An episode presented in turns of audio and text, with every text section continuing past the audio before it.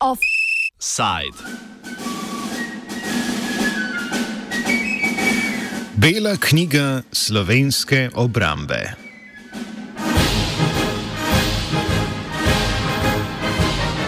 Danes je bila po več zamudah predstavljena Bela knjiga o obrambi Republike Slovenije. Večjih sprememb na kratki rok ne predvideva.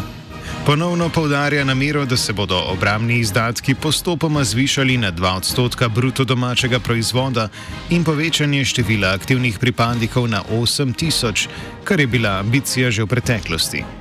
Trenutno je v aktivni sestavi slovenske vojske nekaj več kot 6300 pripadnikov, glavni cilj bele knjige pa je obrniti trend zmanjševanja obsega vojske. Ministr za obrambo v napovedanem odhodu Karl Rjavec se predstavitve ni udeležil, tako da je predstavitev bele knjige vodila sekretarka na Ministrstvu za obrambo Nataša Dolenc. Ključni elementi bele knjige so seveda eh, modernizacija slovenske vojske, potem nadaljni, nadaljni razvoj z vidika dviga obramnih izdatkov in pa predvsem fokus na krepitvi kadra. Se pravi, eh, mi želimo z ukrepi za krepitev pridobivanja kadra in pa seveda urejen izhod in pa eh, reševanje statusa. V teh obdobjih smo si jih zadali, srednjeročjih seveda dvigni ta trend in verjamemo, da bomo s tem tudi uspeli. Bela knjiga o obrambi je sicer začela nastajati pod vodstvom prejšnjega sekretarja na Ministrstvu za obrambo Klemna Grošlja, ki je medtem postal poslanec LMŠ v Evropskem parlamentu. Več o genezi tega dokumenta in zakaj ga Slovenija potrebuje, Grošelj. Ja, poglede, to je bila neke vrste politična zaveza, ki je bila že dana pred, mislim, da celo med predvolilno kampanjo, tudi sicer v tej razpravi, ki je potekala v državi, je bo nekako ta dokument omenjen kot ena izmed, izmed dokumentov, ki je potreben in na podlagi tega sem jaz potem relativno kmalo po nastanku resolucije, o strategiji nacionalne varnosti začel tudi pripravo te bele knjige.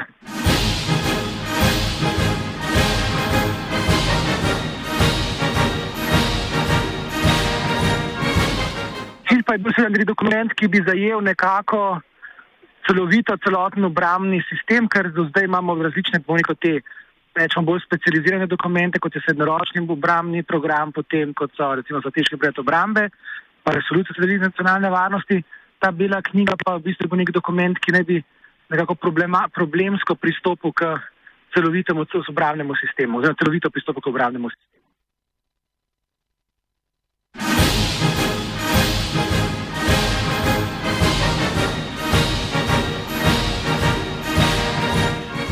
Največji problem slovenske vojske je po njenih lastnih ugotovitvah kadrovska podhranjenost. O tem, kako vojska ocenjuje svoje potrebe po želeni sestavi in kako jo namerava doseči, namestnik načelnice generalštaba brigadir Robert Glavaš.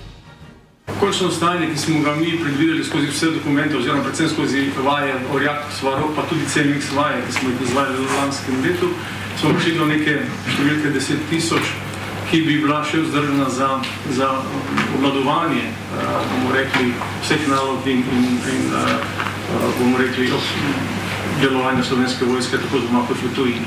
Govorimo o 8 tisoč uh, stalne sestave in 2 tisoč uh, prostovoljne rezerve.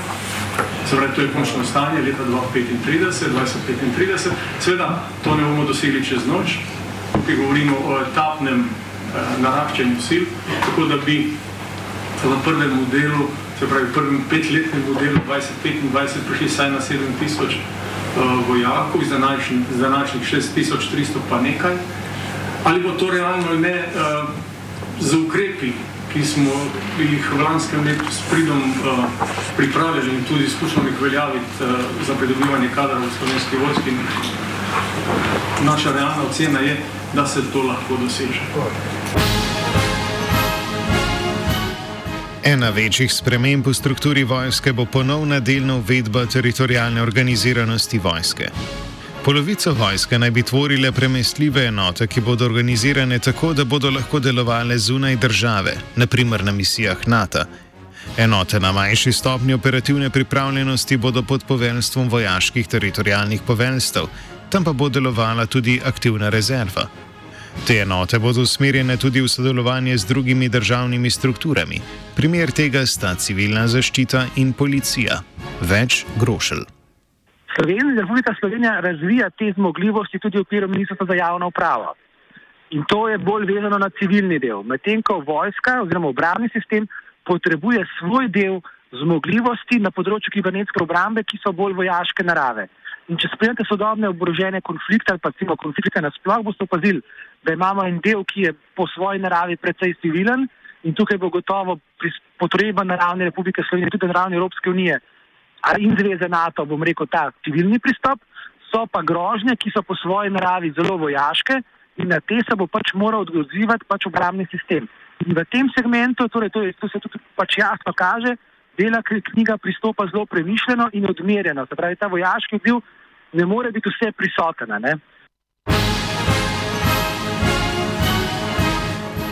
Udarno pest slovenske vojske boste še naprej predstavljali dve srednji bataljonski bojni skupini, ki sta namenjeni sodelovanju na misijah NATO. Gre za enote, ki bodo med drugim opremljene s slovitimi oklepniki 8x8. Nakup teh oklepnikov je eden izmed ciljev modernizacije vojske. Zahteve Severnoatlantskega zavezništva bodo tudi v prihodnosti močno determinirale sestavo. Sekretarka Nataša Dolenc. Treba je vedeti, da vse eh, cilje zmogljivosti seveda najprej se naredi ocena na NATO glede varnostnih ocen, potem se pogleda stanje države, potem se seveda po dogovorih z nacionalnimi predstavniki dogovorijo te obveznosti. Um, v tem kontekstu treba vedeti, da slovenska vojska je leta in leta udeležena v cikl razvoja bataljonskih uh, bojnih skupin, kar pomeni, da vsak zasuk na hiter ni mogoč. Se pravi, vsak hiter zasuk seveda pomeni lahko neko ne, neutemeljeno smer, skratka, treba je slediti smernicam, ki jih imamo.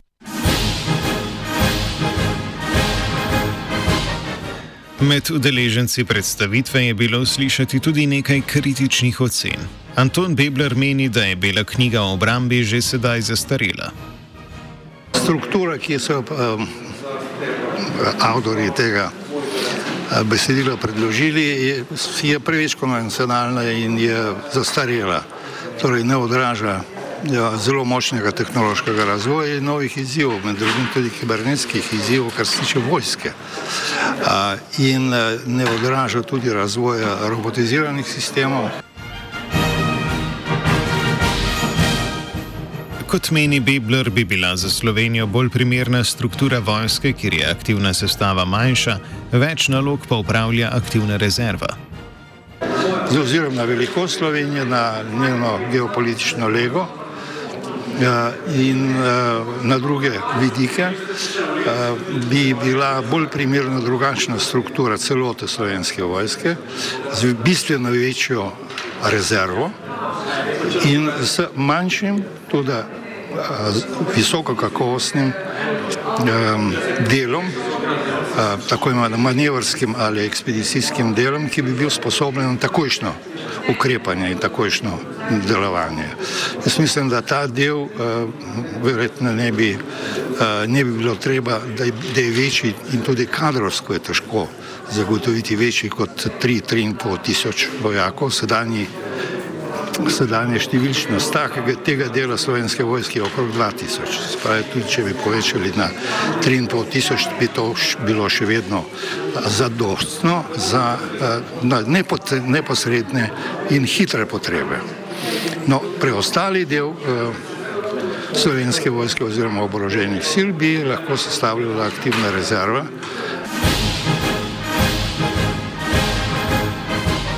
Ena od kritik, ki smo jo slišali, je bila tudi premajhna usmerjenost v kibernetsko bojevanje. A kot pravi Grošelj, gre za zavestno odločitev, da večji delež teh nalog prevzame Ministrstvo za notranje zadeve. Slovenija, Republika Slovenija razvija te zmogljivosti tudi v okviru Ministrstva za javno upravo. In to je bolj vezano na civilni del. Medtem ko vojska oziroma obramni sistem potrebuje svoj del zmogljivosti na področju kibernetske obrambe, ki so bolj vojaške narave.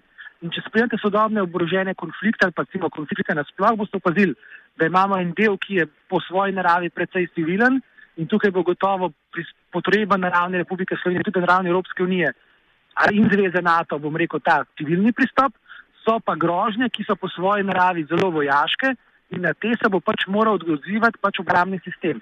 In v tem segmentu, torej to, je, to se tudi pač jasno kaže, dela knjiga pristopa zelo premišljeno in odmerjeno. Se pravi, ta vojaški bil ne more biti vse prisoten.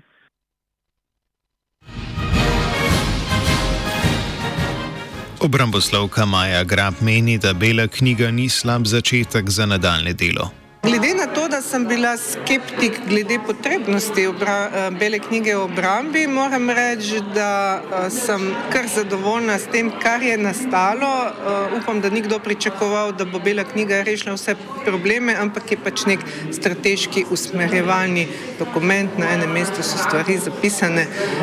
Reš, reš, rešiti ne more nič, ampak je treba naprej delati.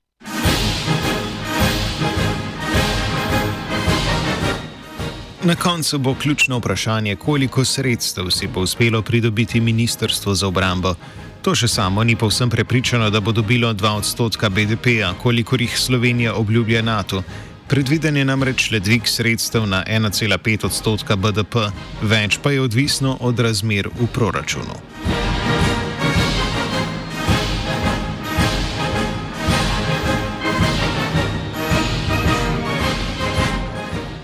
Insight je pripravil Gal. Oh.